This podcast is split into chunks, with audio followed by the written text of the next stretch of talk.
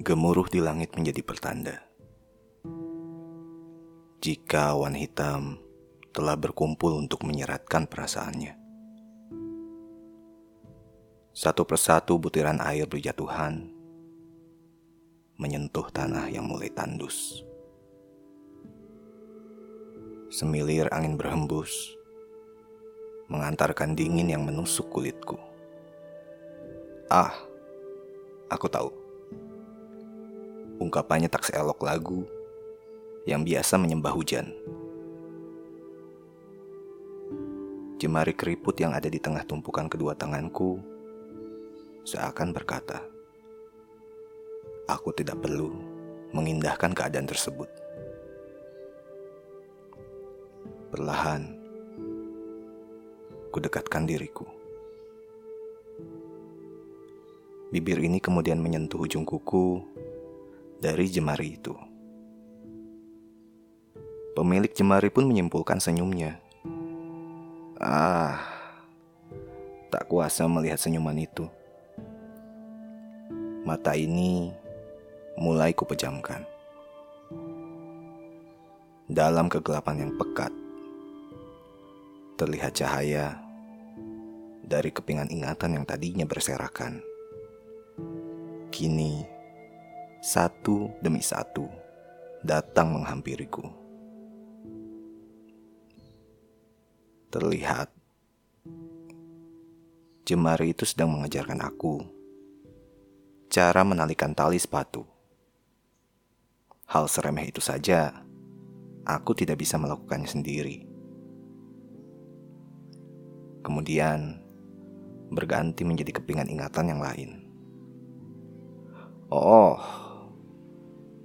jemari tersebut terlihat sedang menyuapiku sayuran hijau yang sangat aku benci. Ya, aku tahu meskipun seperti dipaksa, namun semuanya demi kebaikanku sendiri. Pandangan dalam gelap, kemudian mulai tertarik ke sebelah kiri. Oh, kepingan ini.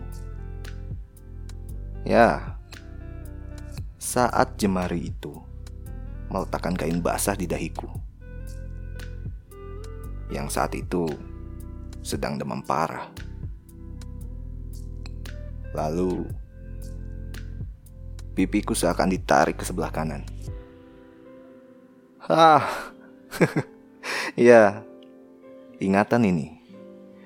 Ketika aku keluyuran setelah jam sekolah telah usai, jemari itu menjewer telingaku hingga memerah. Salahku sendiri sih.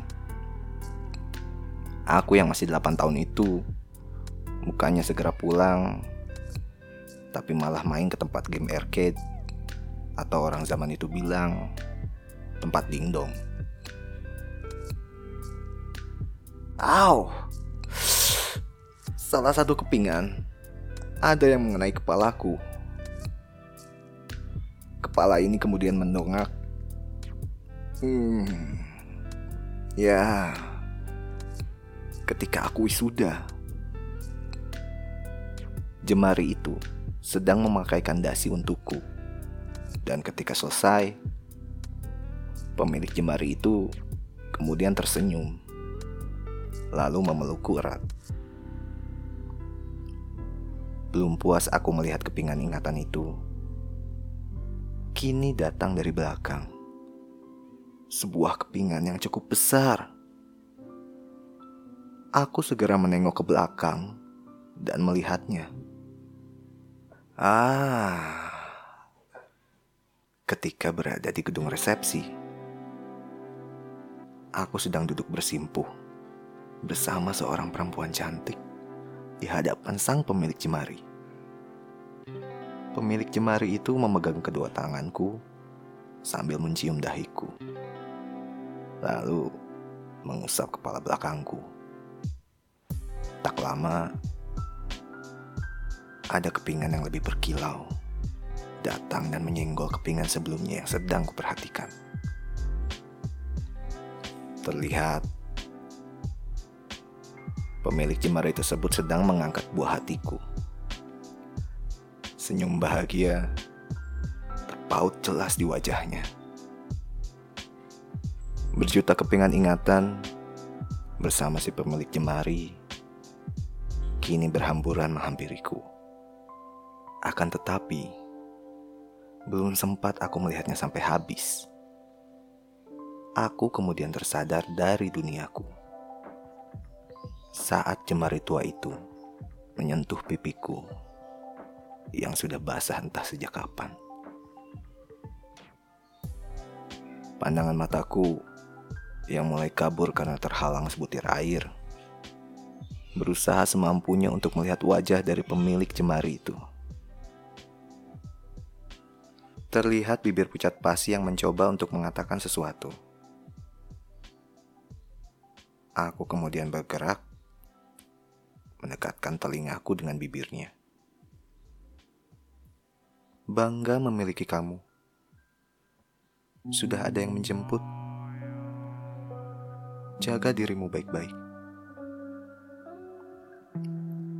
Jemarinya yang sedari tadi menyentuh wajahku kini terkulai lemas dan perlahan terjatuh ke tubuhnya. Aku perlahan mengangkat kepalaku dan melihat wajah dari pemilik jemari. yang paling indah sedunia itu. Matanya kini sudah terpejam. Sambil meneteskan sebutir permata cantik. Yang tidak akan pernah aku lihat lagi. Pandangan mataku kosong. Seolah tidak percaya dengan apa yang telah terjadi.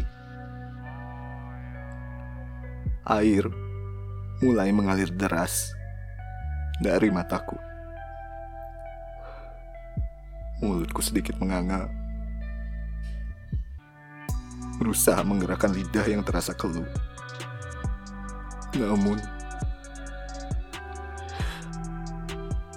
tak satu pun kata dapat terucap dari mulut ini. Hanya hati ini yang dapat mengutarakan apa yang tidak dapat aku ucapkan di luar. Ibu.